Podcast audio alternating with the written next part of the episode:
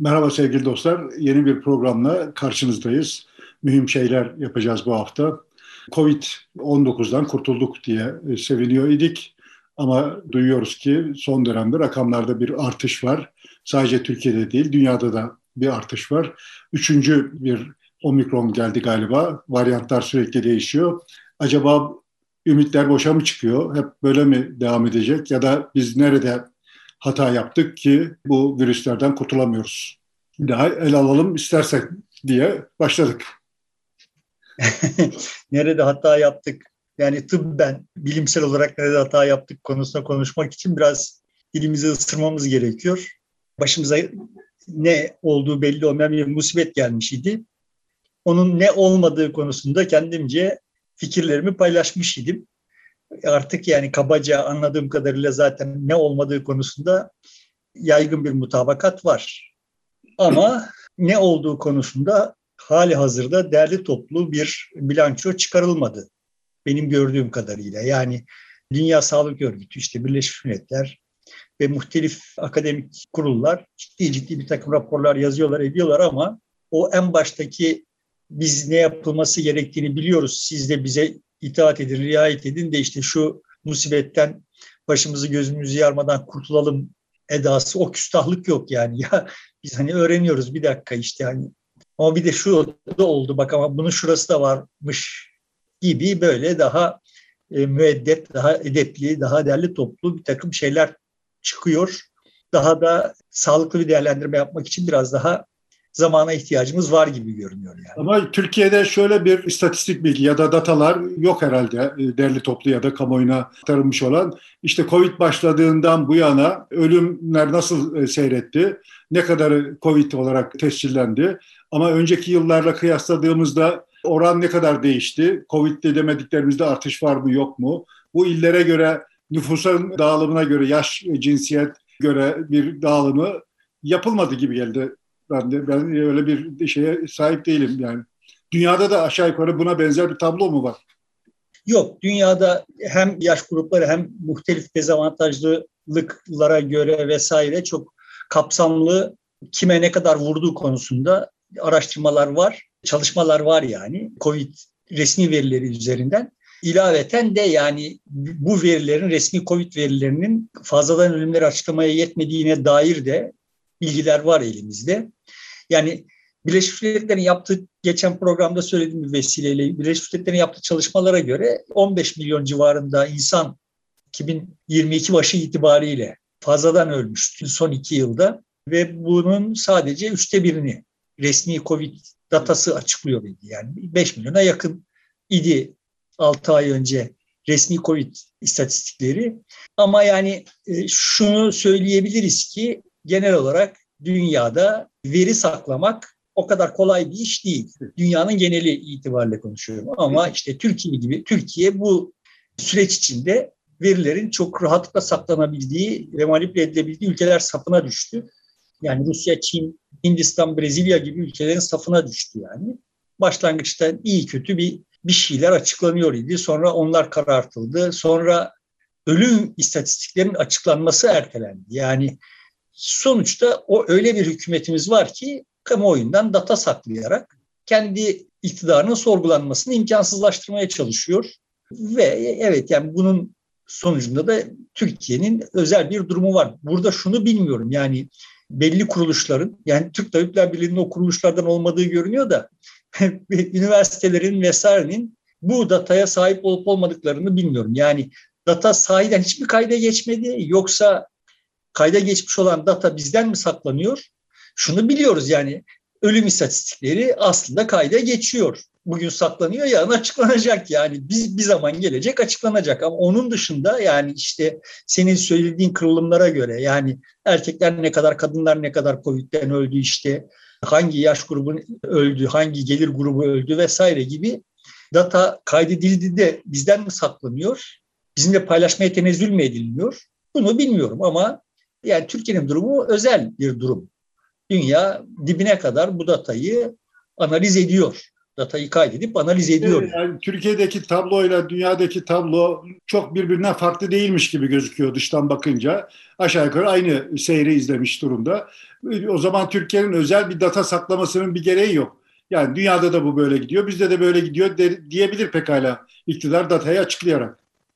Ya iktidar her halükarda datayı açıklaması normal iktidar fonksiyonlarından bir tanesi zaten. Yani diyelim ki buradan zarar görecekse bile açıklaması gerekiyor. Ama işte dönüp dolaşıp hep aynı yere geliyoruz. Yani son toplamda iktidar böyle davranıyor da muhalefet başka türlü davranmıyor ki. Bu anlamda iktidarı sıkıştıran bir muhalefetimiz olmadı ki bizim ya.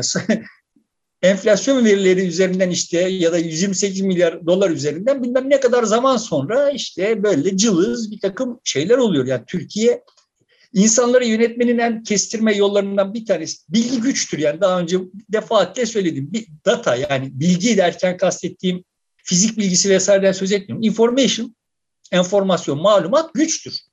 Senin elinde var, benim elimde yok ise senin istediğini yapmamı sağlayabilecek manipülasyon araçlarına sahip olursun.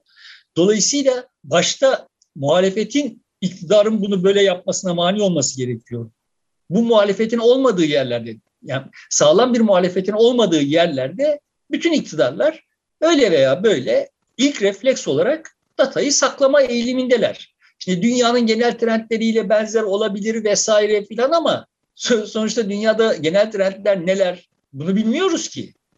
Dolayısıyla işte Türkiye'de bu datayı saklamak, Türkiye'de belli kesimleri, belli kesimler derken yani neredeyse Türkiye'nin tamamını istediğin gibi gütmek için elverişli bir ortamı yaratıyor. Dolayısıyla data saklanıyor yani. Ve bu hükümetin bu süreçteki en büyük günahı bu. Yani yoksa onun ötesinde hükümete yönelik eleştirilerin çok büyük bir bölümünün bir manası yok.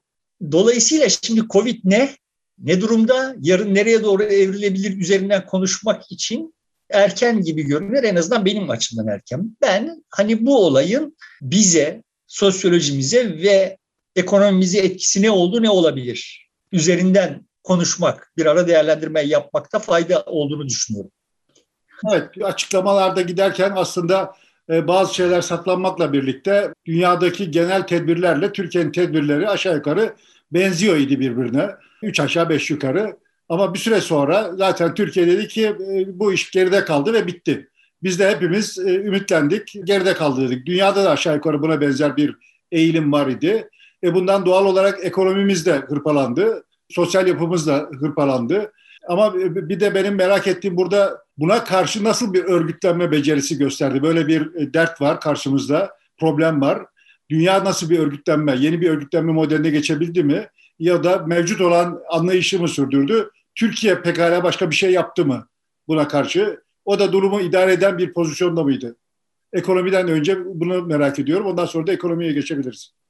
Biz bu e, başımıza gelen şeye karşılık bunu gerektirdiği çok bariz bir yeni bir yeniden bir örgütlenme, bambaşka bir örgütlenmeye ihtiyacımız olduğu görünüyor. En başından görünüyor. Yani bu bu nesillerin başına gelen en ciddi dert.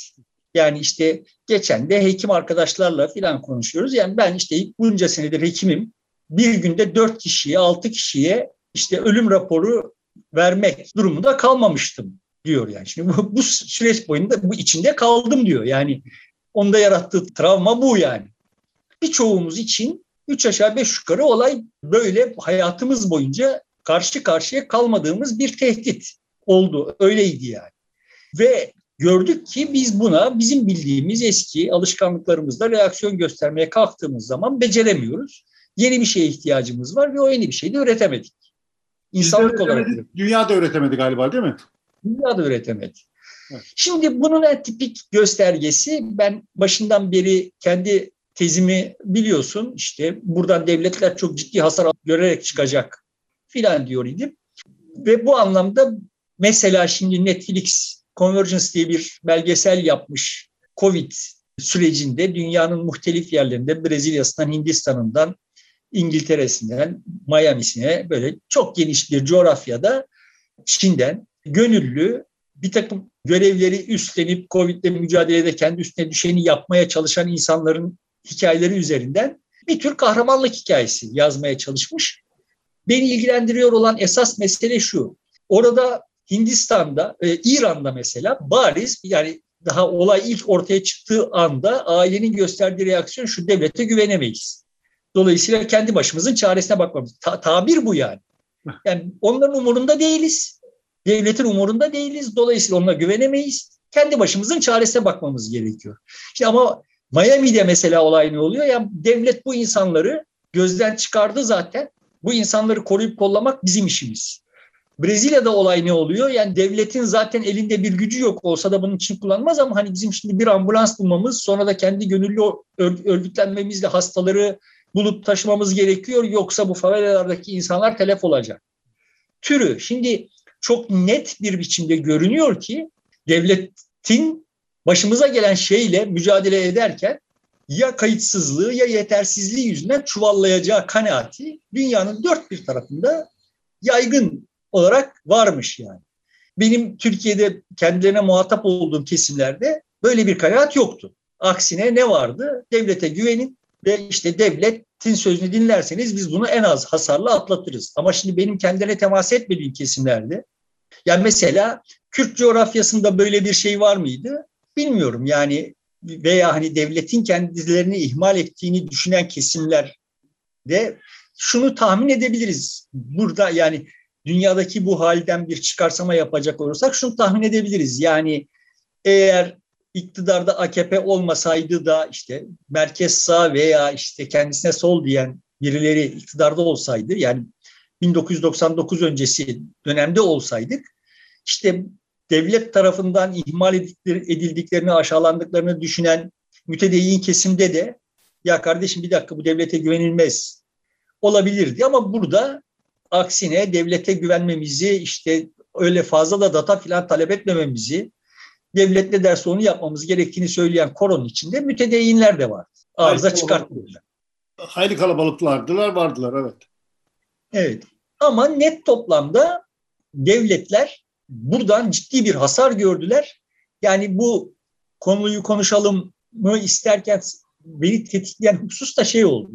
T24'te hafta sonu işte Esin Şenol hanımefendi hatalar felaketi diye bir kronoloji çıkartmış. Yani Covid hikayesinin kendince bir kronolojisini çıkartmış. Normal şartlarda Esin Hanım'ın profili Türkiye'de veya dünyada bu işin kontrol dışına çıkmasının faturasını genel olarak topluma sorumsuz davranan, işte bilimi dinlemeyen topluma çıkartma eğilimindeydi ama Esin Hanım burada o yazıda zımnen ismini zikretmese de devletleri suçluyor yani. Geldiği, onun geldiği noktada burası. Yani başımıza bir felaket geldi. Bu felaket daha da uzayacak. Üstelik de yani bilim insanları ellerinden geleni yaptıkları şimdiye kadar ki hiçbir pandemide gerçekleşmemiş olan işleri gerçekleştirmiş oldukları halde devletlerin beceriksizliği, sorumsuzluğu vesaire yüzünden Covid böyle uzayarak yıllara sari bir biçimde devam ediyor ve daha da böyle gidecek gibi görünüyor diyor. Dolayısıyla ben kendimi bir defa daha teyit edilmiş bulduğumu burada söyleyeyim yani. Yani insanlarda evet kardeşim bak yapmanız gerekenleri yapmadınız diye bir hal oluştu. Şimdi hatıralarımızı tazelemeye çalışalım. Çoğunu unuttuk, iyi ki unuttuk yani o 2020'nin ortalarında filan yaşadığımız korkuları, tedirginlikleri, bilmezlikten kaynaklanan paniği vesaireyi falan unuttuk. İyi ki unuttuk yani. Ama biraz hatıralarımızı tazeleyeyim. Yani daha 2020'nin başlarında Papa çıkıp işte bütün Hristiyanları duaya davet etmişti. Benzeri şeyler Müslüman din adamlarından da gelmişti ve ama bütün bunlar böyle bir kibrit gibi yanıp bittiler. Yani kimse böyle kitlesel halde dualar ederek Covid'i başımızdan def etmeye kalkmadı. Yani en mütedeyyin olanlar dahi bunu yapmadılar yani. Yani sonuçta tabii ki hepsi namazdan sonra veya işte pazar ayinlerinde diğer şeylerin yanı sıra yani bizi bundan kurtar diye kendi inandıkları Allah'a dua etmişlerdir. Ama yani şeylerini buna yaslamamışlardı. Kimse yaslamadı yani. Dolayısıyla şunu emniyetle söyleyebiliriz ki toplumlar ne bekliyor iseler bunu bilimden ve devletten beklediler. Devletin, devletlerin bu konuda sınıfta kalacağını bile bile yine her halükarda devletten beklediler. Bu arada şöyle bir mukayese yapayım. Yani bu, bu pandemi benzeri bir şey bizim neslimizin, bizim nesillerimizin başına ilk defa geliyor ama insanlığın başına ilk defa gelmiyor. Şimdi adını hatırlayamayacağım. Gazali olabilir ama çok da emin değilim yani. Bir din alimi Hicaz'dan Anadolu'ya dönerken Mısır'a uğramaya karar veriyor. Fakat o sırada Mısır'da bir salgın var ve o salgın yüzünden yolunu değiştiriyor. Uğramaktan vazgeçiyor yani programını değiştiriyor. Sonra bu muazzam bir felsefi tartışmaya yol açıyor.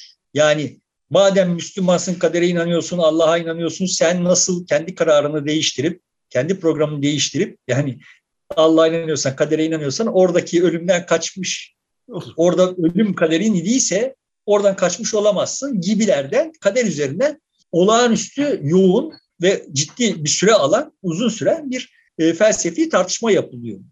Ama yani bu iki sebeple bunu hatırlatmak istiyorum. Birincisi biz bu süreç boyunca öyle çok din, kader vesaire tartışmadık yani. Dediğim gibi lokal olarak bir yerlerde yani işte insanlar kendilerini rahatlatmak için canım tamam kaderimizde bu da varsa falan dediler ama herkes maske takarak kendi ölümünü erteleyebileceği vehmiyle maskesini taktı. Bana bir şey olmaz Allah kaç nefes verdiyse o kadar yaşayacağım nasıl olsa filan demedi yani. Maskesiz sokağa çıkanlar bu tür... Öyle diyenler bile maske taktılar sonuçta. Evet. Veya işte sonuçta kendi kavillerince sosyal mesafeye riayet ettiler vesaire. Dolayısıyla şimdi önce bir hani genel olarak toplumlarımızın ne durumda olduğunun buradan bir röntgenini çekmiş olalım. İkincisi asıl de, deminden beri konuştuğum konuyla ilişkili olarak şunu görüyoruz. Yani bundan bilmem kaç yüzyıl önce devletler işte Mısır'da şey var, salgın var, orada karantina ilan ettik, oraya giriş çıkışları engelledik vesaire gibi lükslere sahip değilmiş. Ama şimdi o lükslere sahipler. Şimdi sahip değiller, uzun süredir sahipler. Yani bizim sosyal hayatımızı ciddi ölçüde denetleme kabiliyetine sahipler. Şimdi de, denebilir ki e ama işte sen devletler zayıflayacak diyordun filan buradan zarar görecek. Şimdi devletlerin her anlamda 10. yüzyıldaki, 13. yüzyıldaki, 15. yüzyıldaki devletlere kıyasla modern devletlerin çok daha güçlü olduğunu inkar etmiyorum. Yani bütün o süreç boyunca kademe kademe devlet insanlara müdahale kabiliyetini arttırdı. Ama bu anlamda en zirveyi yapan modern devletlerdir. Biz bunu kayıtsız şartsız kabul ettik. Yani bize şimdi şu yaşa geldin okula gideceksin. Okulda andımızı söyleyeceksin. Şu müfredatı okuyacaksın. Şunları ezberleyeceksin. Şu notu alırsan şuraya gidecek, gidebileceksin gibi devletin koyduğu. Yani bizim kendi aramızda müzakereyle bir mutabakat içinde inşa ettiğimiz şeyler değil bunlar. Bunların hepsi devletin koyduğu normlar. Ve bu devletin koyduğu normları biz sorgusuz sualsiz kabul ettiğimiz bir dünyaya doğduk. Benim söylemeye çalıştığım yani yıllardır söylemeye çalıştığım şey şu. Devletler bu normları koyuyorlar ve biz bunlara rıza gösteriyor iken devletler hepimizin hayatını kalitesini arttırıyorlar idi. iyileştiriyor idiler. Bunu şu sebeple veya bu sebeple yaptılar. Yani sonuçta biz bunun envanterini çıkartmak gibi bir işimiz olmadı. Yani evet devletin bu koyduğu normlara uyarsak yani bunlara uyanların hayatları daha iyi olacak. Bunu kabul ettik ve karşılığını aldık yani. Sorun şu, bir süredir alamıyoruz. Ya yani bir süredir sonuçta işte devlet sana diyor ki üniversiteye gidersen işte senin hayatın daha iyi olacak. Böyle bir algı hala destekleniyor ve sonrasında gidiyorsun işsiz kalıyorsun gibi durumlar var. İşte şunları yaparsan daha iyi olacak da hep biz borç altında yani toplumların borçları sadece Türkiye'de değil yani bu olay. Birleşik Devletler'de işte şu anda en ciddi politik mevzulardan bir tanesi öğrenci kredileri. Yani niye öğrenci kredileri problem oluyor? Çünkü sen şimdi eğer öğrenci kredisi alırsan yüksek öğretim göreceksin. Yüksek öğretim görürsen şu seviyede ücret alacaksın gibi bir varsayımla kredi alıyorsun. O sırada ekonomi çökmüş. Dolayısıyla mezun oluyorsun, o seviyede iş bulamıyorsun, kredini ödeyemiyorsun gibi durumlar var. Yani şimdi devlet bir söz vermiş, zımnen bir söz vermiş ve bu sözü yerine getiremiyor. Dolayısıyla sıkıntı buradaydı. Ve Covid bütün bu zaten birikmiş olan tereddütlerin üzerine tüy dikti. Benim derdim burada. Buradan yola çıkarak yani birinci hasar gören unsur olarak devletleri sayıyorum ve öyle görünüyor ki yani şimdi işte Esin Hanım'ın söyledikleri de dahil olmak üzere sokakta karşılaştığımız şeylerden de öyle görülüyor ki herkeste bir suçu devlete atma şeyi var. Şimdi yine hem o var hem bir de galiba şey de gelişti biraz daha. Ee, sadece benim evimin içerisini temizlersen bu iş olmuyor. Bu şehrin tamamını temizleyeceksin. Bu da yetmiyor ülkenin tamamı ve bu da yetmiyor. Dünyanın tamamını da aynı şeyler yapılması lazım. Çünkü o oradan da bize geliyor. İşte Afrika'da olan üçüncü varyant oradan geldi. E, Afrika'ya aşı falan da gitmemişti. Orada hiçbir tedbir alınmamıştı yeterince. E, demek ki olmuyor. Kendi evini kurtarmak yetmiyor. Evet. Yani bu anlamda bir bilinç de oldu evet dünyada ama benim hissettiğim kadarıyla bu aslında olması gerektiği kadar, olması gerektiği ya da benim olacağını ümit ettiğim kadar derin bir iz bırakmadı. O kadar yoğun bir tartışmaya sebep olmadı. Buradan küreselciler diyelim yeterince seslerini yükseltemediler. Dolayısıyla e, ama yani yine de onun izleri kalmıştır, onun tortusu kalmıştır ve bu yakın geleceği belirleyecektir diye düşünüyorum yani. Ama asıl başka bir yerde başka bir sıkıntımız oldu. Bunu da hatırlamaya çalışalım şimdi. Yani ilk bununla karşı karşıya kaldığımızda sadece Türkiye'de değil dediğim gibi hemen hemen bütün dünyada özellikle de Batı dünyasında tablo şöyle oldu. O devlete karşı olanca güvensizliğe rağmen tamam kardeşim bak şimdi şeyleri bastırmamız gerekiyor. Eğriyi bastırmamız gerekiyor. O zamanlarki en meşhur, meşhur laflarımızdan biri buydu. Eğriyi bastırmamız gerekiyor. Devletin sağlık sistemi bu yükle baş edebilecek seviyede değil. Dolayısıyla şimdi bir tür karantinaya ihtiyaç var. En başından itibaren olay böyleydi. Yani bir kendi tedbirimizi almamız gerekiyor ve bunun üzerinden toplum ikiye ayrılmıştı. Daha doğrusu ikiye ayrılmış olan toplum bunun üzerinden bir kavgaya başladı. Bir kesim siz yeterince tedbirli davranmıyorsunuz. O yüzden sadece kendinizin değil, bizim de ve hatta dediğin gibi dünyanın başka yerlerindeki insanların da hayatını riske sokuyorsunuz diyen, yukarıdan konuşan, üstten konuşan bir kesim karşısında da bunlarla nasıl baş edeceğini, hangi platformda tartışacağını bulamayınca hemen onların karşısına geçmeyi refleks haline getirmiş olan yani ne biliyorsunuz da konuşuyorsunuz diyen bir kesim olarak ikili bir savaş yürüttük. Hatırlıyorsun değil mi yani sonuçta asıl tartışmayı yine her toplum yani şu olmadı. Bu virüs bizim başımıza nereden geldi ya işte hıyar Çin'den geldi o halde tüy lanet olsun Çinliler falan olmadı yani. Anında belki böyle bir iki saatlik bir şeyden sonra anında yine herkes eski mevzilerinden birbirine dövüşmek için bunu bir vesile bildi. Ve her tekil olay bu kamplaşmayı bir kere daha bir kere daha büyüttü. Bu bütün dünyada böyle oldu. Şimdi bu iki kampı kabaca tasnif etmeye kalkacak olursam iki kamp hakkında çok şey söylüyor yani. Şimdi birinci kamp bu başımıza gelen hadise önlenebilir, kaçınılabilir bir şeydi. Bu varsayımı var. Yani bir şeyler yapılabilirdi ve biz bu badireden neredeyse burnumuz kanamadan çıkabilirdik gibi bir varsayımla dünyayı okuyan bir kesim var bütün dünyada. E, bu Şimdi, sefer onların bu varsayımını destekleyen bir şey daha oldu. İlk defa aşı erken bulundu. E, daha henüz pandemi ortadan kalkmadan. Belki o da onların bu varsayımını kuvvetlendirmiş de olabilir. Ay şimdi sonuçta o, o, oraya da gelecektim. Şimdi sen uyarmışken söyleyeyim yani. Sonuçta aşılar bir tane aşı değil birçok aşı geldi ve her birisi bağıra çağıra geldi. Böyle davulla zurnayla geldi hatırla. Moderna aşısı yok efendim Pfizer aşısı yok. Oxford aşısı yok, Rusların aşısı yok, Çinlilerin aşısı yok. Bizim aşımız böyle her birisi bağıra çağıra geldi. Belli kesimler bu aşıları böyle bir zafer konvoyu halinde önümüze sürdüler. Ama şimdi bu aşıların önemli bir bölümü yasak. Yani her birisi muhtelif sebeplerle yasaklandı. Geriye bir tek şey kaldı anladığım kadarıyla bu. Almanların Almanya'da yap Türklerin yaptığı aşı kaldı. o da yani ne kadar güvenilir olduğunu bilmiyorum net toplamda ama ortada yani ne Oxford aşısı var, ne modern aşısı var, ne Rus aşısı var. Ortada bir aşı yok. Bunlar böyle davulla zurnayla geldiler ama çok sessiz sedasız usulca gittiler yani. Hatırlıyor musun yani şimdi ya şu aşıyı olmamak gerekiyormuş tartışmaları oldu mu hiç? Böyle yani kedi pisliğini örter gibi onların üstü örtüldü. Yani o aşılar yüzünden de bir takım canlılar gitti yani. Tabii ki Covid'in verdiği can kaybının, sebep olduğu can kaybının yanında devede kulaktır. Devede kulak bile değildir, devede tüydür ama yani son tahlilde asıl dikkat çekmeye çalıştığım şey böyle o senin sözünü ettiğin işte bu önlenebilir C kesim böyle aşıları evet senin dediğin gibi böyle bir haddinizi bilin bak bilim işte bizi koruyor işte filan gibi bir edayla üstümüze püskürttü ama sonra aşıların sakıncalı olduğu işte böyle bu kadar da çabuk aşı geliştirmeye kalkmanın bir takım mahsurları da olduğunu hatırlamak zorunda kaldıklarını bunu hatırlamamayı tercih ettiler yani.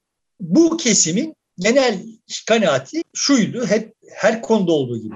Aslında bu dünya böyle bir cennet ama bu cenneti cehenneme çeviren orada bir takım biçimsiz insanlar var ve o biçimsiz insanlar yüzünden oluyor ne oluyorsa yani. Onlar şöyle efendi gibi söz dinleseler, kendisine söylendiği gibi davransalar, Covid, Movid de böyle yavaşça gelip geçecek ve işte kendi normalimize kısa süre içinde döneceğiz gibi bir varsayıma sahip idiler. Anladığım kadarıyla muhtemelen hala aynı varsayıma sahip olsalar da artık aynı ses tonuyla çıkaramıyorlar yani bunu. Ve bunların karşısında da ya bir dakika siz böyle zevzeklik ediyorsunuz ama diyen muhtelif parçalı bir kesim vardı ama hepsi ortak bir paydada ne oluyor lan size paydasında buluştular yani. Yani kimlerdi bunlar? Düz dünyacılar, bilim düşmanları, elit düşmanları vesaireler yanı sıra işte dindarlar yani kaderimizde varsa ölmek ölürüz. Bu tedbirlerle e, ölenemez diyenler nüfusun yüzde biri, iki yüz, üçü, beşi neyse yani. Ve ama asıl mühimi siz tamam yani böyle hani güzel güzel evlerinizde karantinaya girip yaşıyorsunuz ve işte siparişleriniz değil o siparişleri biz getiriyoruz kardeşim biz getirmesek bu e, şeyi e, yukarıdan üstten üstten konuşmayı sürdüremeyeceksiniz diyen yani çarkların dönmesi için gerekli asgari iş, iş gücü ne mensup olanlar vardı yani. Veya sonuçta böyle hani işini kaybetmiş olduğu için sipariş vermekle parasını ödeyemeyecek durumda olanlar da vardı. Yani o sözünü ettiğim belgeselde Brezilya'nın favelalarının falan, hallerini gösteriyor. Yani adam hasta. Yani hastaneye götürecekler. Bir evden indiriyorlar adamı. Ya adam o evden sağlıklı halde olsa inerken hasta olur yani. Yani o kadar vahim bir e, şartta yaşıyor adam. E şimdi o adam tabii olarak kendisine ne sokakta geziyorsun ya ya da işte niye maskesizsin ya diyene reaksiyonunu gösterdi yani. Ve bunlar hepsi bir araya toplandılar. Toplanmışlardı zaten. Yani benim ısrarla söylediğim hikaye bu kamplaşma, derin bir kamplaşma ve bu kamplaşmayı böyle akılla, mantıkla açıklamaya çalışmak, çözmeye çalışmak falan manasız bir şey. Burada bu bir savaş yani.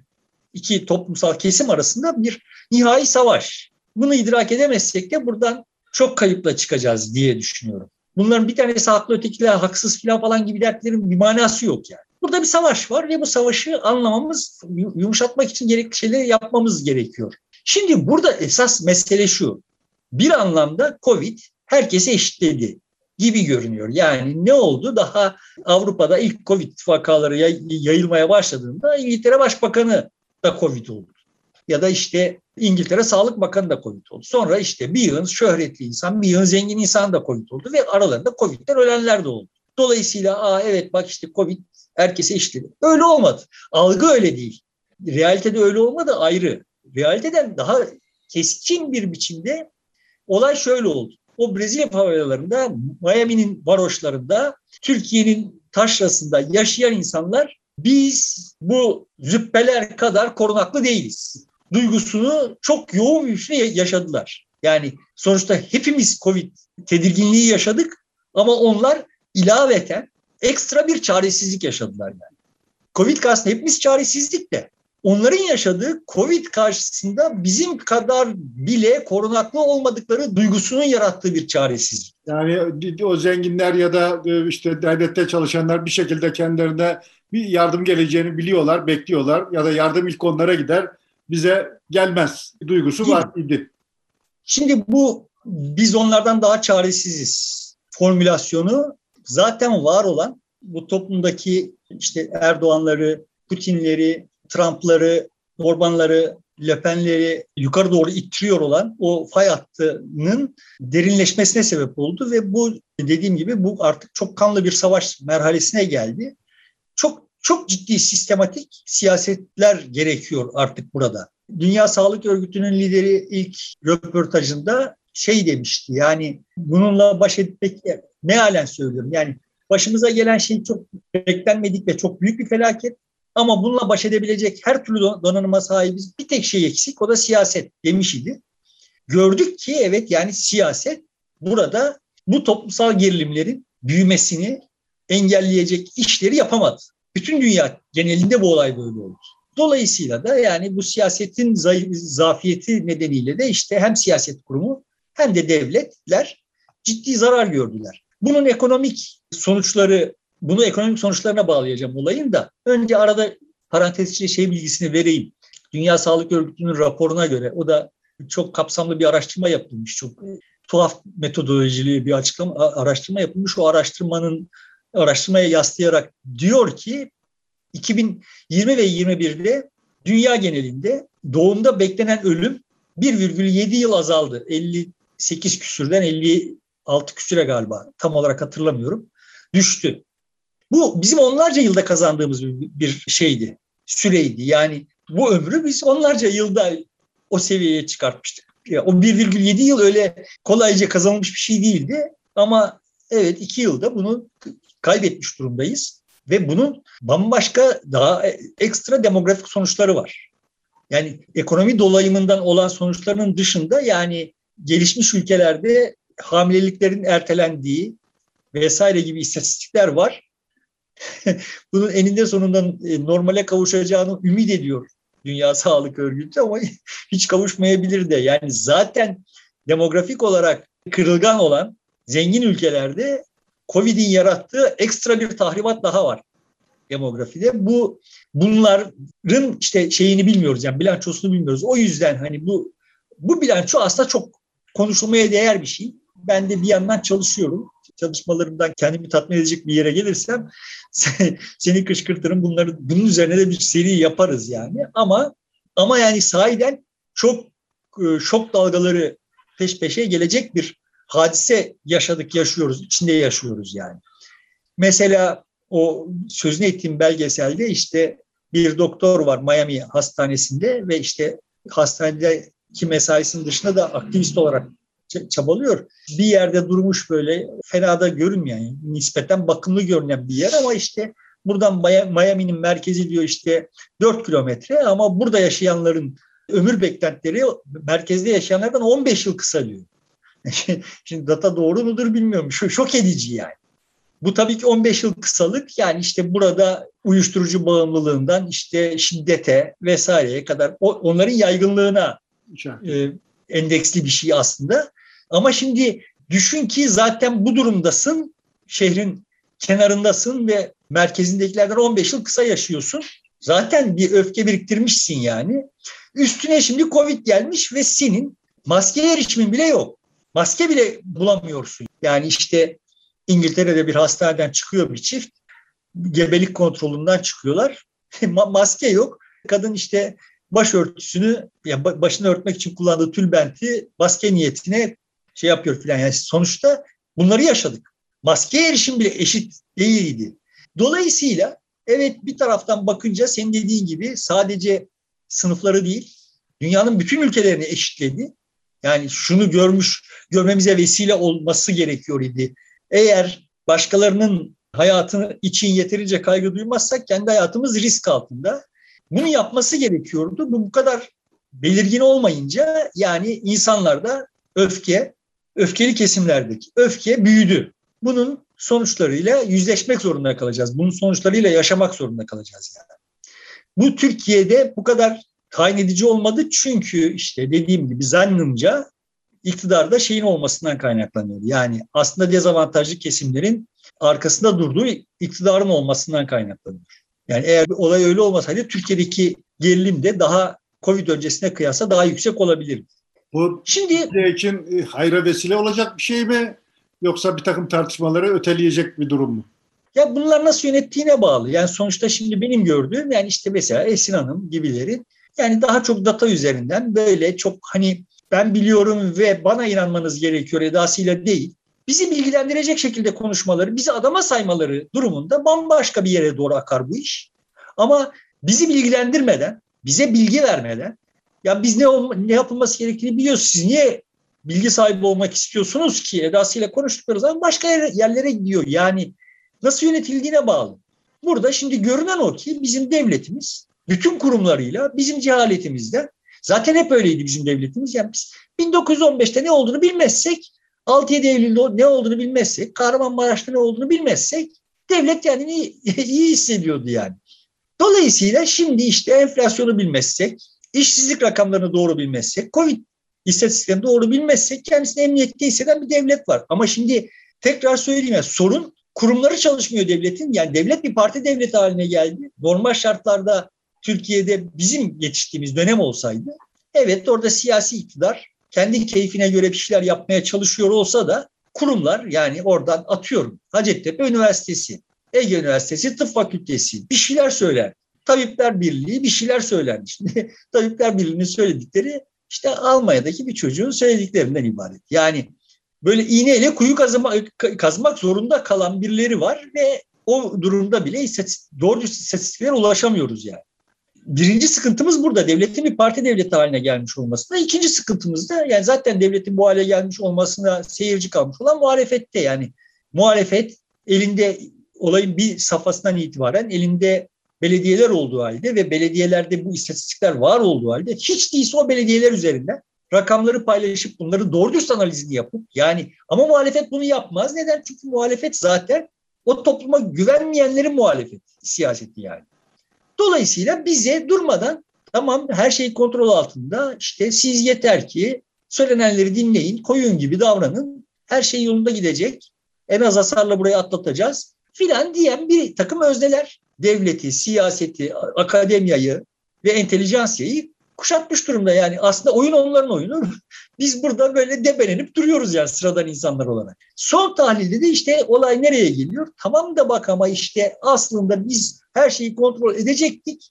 Orada işte Hindistan şu aymazlığı yaptı. Güney Afrika bu aymazlığı yaptı. O yüzden de şimdi işte bu iş uzayıp gidecek. Sanki hani böyle virüsün mutasyonu hakkında onlara bir garanti verilmiş gibi konuşuyor şimdi şimdi Esin Hanım. Yani yine bir şeyi düşmüş yani hedefi değişmiş. Artık sokakta maskesiz gezenlere sövmek yerine devletleri, otoriteleri sorguluyor ama yine de kendi şeyinden, konforundan da taviz vermiyor yani. Ya bir dakika bak ama biz aslında şunları bilmiyorduk da bu süreçte şunları öğrendik falan demiyor yani bize. O zaten bildiğini biliyormuştu. En baştan öyle bir eda var ki yani bunun ne yapılırsa nasıl seyredecek olduğunu daha en baştan biliyormuş. Adını koymuş ve birileri ya işte bak bu kadar bilgiye bir hanımefendiyi dinlememişler. Eda hala bu yani. Şimdi bu olaylar böyle değil. Bunların böyle olmadığını öyle veya böyle dile getirenler olacak. Yani o sözünü ettiğim belgesel mesela işte bambaşka bir kapıdan da olsa yani bak burada insanlar nelere maruz kaldılar ve hangi insanlar hangi şartlarda bunlarla nasıl mücadele ettiler siz orada o karalık edip dururken diyor yani. Yani orada evet sağlık çalışanları, sıradan sağlık çalışanları, böyle profesörler şunlar bunlar değil. Yani ahkam kesenler değil. Sağlık çalışanlarının ne kadar can siperhane çaba harcadıklarını görüyorsun. Onların böyle evet yukarıdan konuşuyorlar, hakları olduğunu görüyorsun. O yukarıdan konuşmayı, o seviyeden konuşmaya hakları olduğunu görüyorsun. Artı yığınla insanın nasıl gönüllü, kendisini riske attığını görüyorsun. Öyle baktığın zaman toplumda bir takım otoritelere değil de sıradan insanlara güvenmenin ne kadar sağlıklı bir strateji olduğunu gösteriyor. Kastı bu değil yani belgeselin de muhtemelen. Çünkü hani belgeseli yapanlar da işte son tahlilde bu tırnak içinde aydınlanmacı tipler. Ama yani işte nihayette şeyi görüyorsun. Evet orada böyle bizim bizden başka kimsemiz yok. Yani biz aslında bu entelijansiyayı, bu devleti, bu kurumları sırtımızda taşıyoruz yani. Şimdi buradan ekonomiye bağlayayım. Son tahlilde bütün dünya öyle veya böyle işte bütün dünya demeyelim Türkiye galiba bu kategoriye girmiyor. Öyle veya böyle ciddi para destekleri sağladı ve bunu ön koşulsuz sağladı. Yani dezavantajlı olanlara da avantaj, e, dezavantajlı olmayanlara da neredeyse eşit seviyede para verdi. Bunun için ne yaptı? Para bastı. Para bastığı zaman ne olması gerekiyordu? Enflasyon olması gerekiyordu. Olmadı. Neden olmadı? Yani çünkü o paraların büyük bölümü mesela bu sürecin içinde şey yaşandı. GameStop hadisesi yaşandı. O GameStop hadisesi sırasında bariz bir şekilde görüldü. Yani evlerinde oturuyor ve para alıyor olan Amerikalı gençler o parayla borsada manipülasyonlar, oyunlar oynadılar, kumar oynadılar filan falan.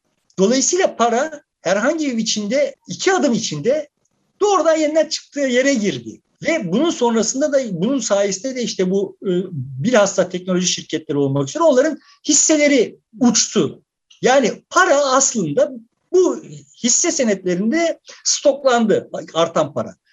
Para artmamış oldu yani. Fiili olarak basıldığı kadar para artmamış oldu. Ama bunun bir yan etkisi oldu. Şimdi benim gördüğüm, ben eğer doğru e, tahlil ediyor isem, sadece Türkiye'de değil, bütün dünyada ama ağırlıklı olarak mesela Almanya istatistiklerini biliyorum. Bu tüfe ile üfe arasındaki makas olağanüstü büyüdü. Ne demek tüfe? İşte tüketici fiyatları endeksi. Yani bizim tüketici olarak doğrudan yaşadığımız fiyat artışı. Üfe ne demek? Üretici fiyat endeksi. O da işte üreticinin elinden mal çıkarken ki fiyat, taki artış. Şimdi dünyanın hemen her yerinde üfe tüfeden çok daha hızlı arttı. Bunun bir tane anlamı var.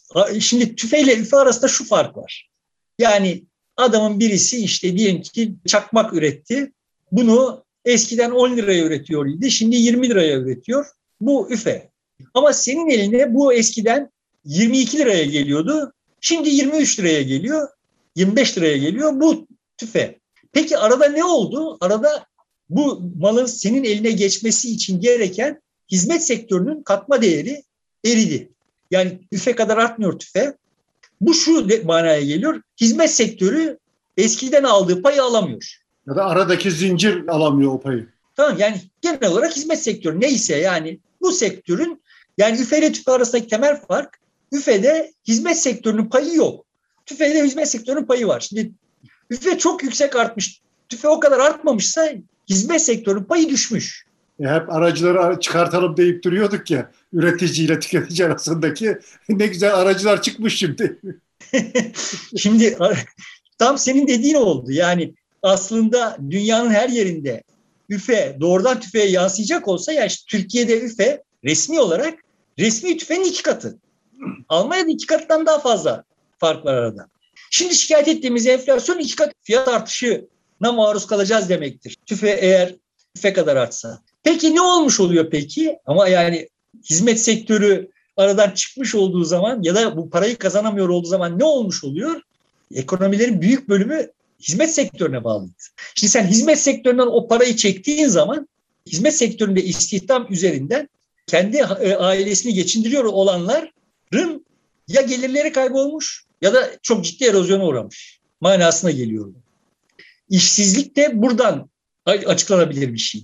Şimdi benim ısrarlı iddiam zaten bizim üretim kapasitemizi bütün insanlık olarak üretim kapasitemizi, tüketim kapasitemizi çok aştığı yönünde. Üretim kapasitesinde bir sıkıntımız yok idi ve işte böyle tırışkadan işler yaratıp servis sektörüne tırışkadan işler yaratıp bunu paylaşıyor idik. Anlaşılan o ki bu Covid salgını sırasında işte böyle evden çalışmalar şunlar bunlarla filan falan ve perakendeciliğin iyiden iyiye e, internet siparişlerine kaymasının sonucu olarak hizmet sektöründe ne kadar ciddi iş gücü kesintisi yapılabilir olduğunu ekonomi tecrübe etmiş oldu. Dolayısıyla şimdi bunu bu tür durumu geleneksel yöntemlerle çözmeye kalkmanın maliyeti şu demek. Eğer geleneksel yöntemlerle çözeceksek yeniden hizmet sektöründe hizmet sektörüne kaynak aktarılması gerekecek. Bu da şu manaya gelecek. Üfe ye yakın tüfe ortaya çıkacak demektir.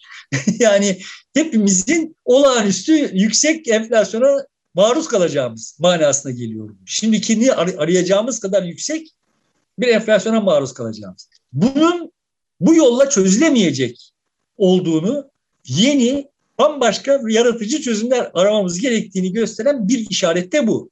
Bunu neden önemsiyorum? Şimdi birçok ekonomist çok alarm halinde ya bak sonbahar geliyor Türkiye için özel olarak. Aslında bütün Kuzey Yarımküre için konuşulabilir bir şey de bizim durumumuz çok özel olduğu için Türkiye için konuşuyorlar haklı olarak. Ekonominin zaten sonbaharı bulacak kadar bile nakit akışı kalmadı döviz anlamında ve bu sonbahar geldiğinde birçok sebeple zaten kırılacak yani. İyi kötü turizm gelirinin neydiyse o gitmiş olacak. Enerji harcamaların artacak artı Covid patlayacak. Yani zaten patlamış durumda. Yani şimdi yine hatırlayalım. Yani bu ilk Covid dalgasında seninle de konuştuk. Herkese de konuştuk yani. Yani bizim etrafımızda Covid olmuş kimseye olmadan aylarca yaşadık biz. Yani birinci elden Covid'e temas etmeden aylarca yaşadık. Sonra ikinci dalgada evet yani hepimizin yakınında birileri hastalandı. Hatta yani tanıdığımız birilerinin ölümüne şahit olduk. Şimdiki tablo şu yani.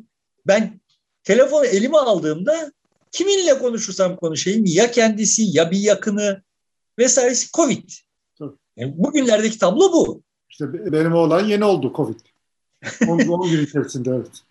Dolayısıyla şimdi evet öldürücülüğü çok düşmüş gibi tamam ama yani bunun sonbaharda neye evrileceğini, nasıl bir seyir izleyeceğini bilmiyoruz. Ve işte hani müstakbel bir kapatmadan kimse söz etmiyor dünyada da yani. Dünya, bütün kuzey yarımkürede bu anladığım kadarıyla ciddi bir kaygı sebebi ama kimse yeni bir kapatmadan filan söz etmiyor. Daha doğrusu bundan söz edenlerin ağzını hemen kapatıyorlar. Çünkü yani onun sosyolojik ve ekonomik maliyetlerine katlanabilecek durumda değil dünya. Ama görünen o ki yani normal şartlarda şimdi yazın göbeğindeyiz. Bu tür ya insana bulaşıyor olan bütün koronavirüsler için en dipte olduğu dönem bu dönem. Normal grip de dahil olmak üzere. Şimdi bu kadar yaygın olan şey havalar elverişsiz olduğu zaman nereye doğru evrilecek? Bu kapanmaya yol açacak mı? Kapanmaya yol açmasa bile ne kadar iş gücü kaybı vesaireye yol açacak gibi şeyleri hesaba kattığımızda gerçekten sonbahar çok kanlı bir sonbahar olacak gibi görünüyor. Bütün Kuzey Yarımküre için ve bizim için özel olarak. Benim gördüğüm bu handikapı aşabilecek kadar ciddi bir akıl örgütlenmesi yok. Çünkü işte devletler kendi dertlerine düşmüş durumdalar. Yani minimum eleştiriyle buradan nasıl atlarız derdindeler. Hani sen mevzuya başlarken Türkiye aslında dünyayı yakından takip etti diye. Çünkü evet yani temel olarak Sağlık Bakanlığı'nın ve işte hükümetin genel tutumu şuydu. Bakıyordu yani İsveç şöyle yapıyor, işte Fransa böyle yapıyor. Bunların ortalaması nedir? Tamam onu şimdi biz yapalım gibi yani temel kaygı şu kadar can kurtaralım, bu kadar şunu yapalım filan değildi. Bize gelebilecek olan eleştirileri savuşturabileceğimiz örnekler var mı? Bunu hükümeti eleştirmek için söylemiyorum. Sahiden bilmiyorduk. Yani orada birileri her şeyi bildiğini zannedip konuşuyordu da bilmiyorduk yani. Dolayısıyla da aldığımız tedbirlerin büyük bölümü aslında lüzumsuz tedbirler. yani işte beraber şahit olduk. Üsküdar'da meydanı yıkadı yani belediyeler. Türkiye'nin dört bir yanında işte dezenfekte ettiler meydanları filan falan. Yani işte ayakkabıdan şöyle bulaşıyor, elden böyle bulaşıyor filanları dinledik. Bunlara göre davranmaya çalıştık. Buna bir prensip olarak bir itirazım yok. Yani bilmiyorduk ve en kötüsüne hazır olmak anlaşılır bir şey. Ama bunların böyle bir takım bilgilere yaslanmış ve işte bilenler tarafından bilmeyenlere dayatılıyor olduğu kanaati yanlış bir şeydi ve onun sonuçlarını da yaşıyoruz yani. Net toplamda şunu bilmiyoruz hala. Biz evet iki yıl içinde insanlık olarak 15 milyon can kaybettik. Bunun işte resmi olarak 5 milyonu Covid'den 10 milyonun sebebini bilmiyoruz. Covid'in dolaylı etkisi olduğunu biliyoruz. Bu bunların bir bölümü tedbirlerden kaynaklanıyor. Yani tedbirler derken kastettiğim sonuçta işte birçok sebeple kırılgan olan insanlar vardı ve işte sokağa çıkamadığı için normal rutinini sürdüremediği için de ölmüş olabilir. Veya işte hastaneye gidemedi korkusundan yani normal tedavisini sürdüremedi gibi bu sebeplerle ölmüş birçok insanda oldu. Bunların şeyini çıkaramayız. Kırılımlarını çıkaramayız ama net toplamda tedbirler maliyetsiz şeyler değildi. Dolayısıyla tedbir konusunda da biraz cimri davranılması gerekiyor idi. Bundan sonra umarım öyle olur. Tedbir konusunda da biraz cimrilik gösterilir ama evet görünüyor ki biz önümüzdeki kışı da çok sıkıntılı yaşayacağız. Böyle bir ara değerlendirme COVID için iyi olur diye düşündüm. Yani bir e, yeni ekonomik örgütlenme modeline e, doğru bizi zorlayacak gibi gözüküyor Covid. Zorluyor bence ama işte nihai olarak hep aynı şeye geliyoruz. Yani siyasetin bu anlamda yaratıcılığı yok. Yani e, dünyanın hiçbir yerinde yok. Ama bir yerden bir çatlak bulacaktır. Bu probleme bir çözüm üretecek birileri bir çatlak bulacaktır diye düşünüyorum. Yani görünüyor ki bizim ekonomimizin ne kadar irrasyonel olduğunu, ne kadar gayri iktisadi olduğunu Covid çok bariz bir biçimde gösterdi. Yani birçok iktisadımızın birçok unsurunun, gayri iktisadi unsurunun aslında ne kadar lüzumsuz olduğunu hep beraber gördük, yaşadık yani. Ve eğer ona göre pozisyon alsak, yani şunu demeye çalışıyorum. Çok bir tane misalle anlatayım. Yani bütün o perakende zincirini aslında otomatize etmek, insansızlaştırmak mümkünmüş. Ve bu yapıldığı zaman çok sayıda istihdam kaybedilecek ama müthiş bir tırnak içinde zenginlik üretilmiş olacak. Bu zenginliği eşit olarak paylaşmanın yolunu bulursak ve işte o geride bırakılmış olan kesimlerin geride bırakılmışlık duygusunu ciddiye alıp onu giderecek politikaları üretebilirsek böyle yukarıdan küstah bir edayla siz zaten geride kalmayı hak ettiğiniz için geride kaldınız. Bizim gibi olmadığınız için orada kaldınız. Edalarından vazgeçin. Ya bir dakika bak şimdi bunların bu geride kalmışlık duyguları hepimizin başını fena halde belaya sokabilir. Şimdi efendi olalım biraz. Hani konjonktürün ürünüyüz. Bu konjonktürden faydalananlar biziz. Bizde böyle bir takım özümüzde bir şeyler olduğundan değil aramızdaki fark. Hani ben şu okula gitmişim, şur, şurada şu arkadaşım olmuş da o sayede olmuş bu olanlar deyip efendi gibi davranmayı öğrenebilirsek, ötekilerde bizim canımızı yakmanın, bizim canımızı yakmak için Trump'ların, Erdoğan'ların peşine gitmenin çok da akıllıca bir şey olmadığını öğrenirlerse filan belki bir yeniden örgütlenme biçimi üretebiliriz. Aksi halde bunu üretene kadar birbirimizi kafasını gözünü yaracağız yani. Peki burada bitiriyoruz o zaman. Sevgili dostlar, Aha. burada sona erdiriyoruz programı. Bize destek olmaya devam ederseniz memnun kalırız. Butona basarak teşekkür ediyoruz.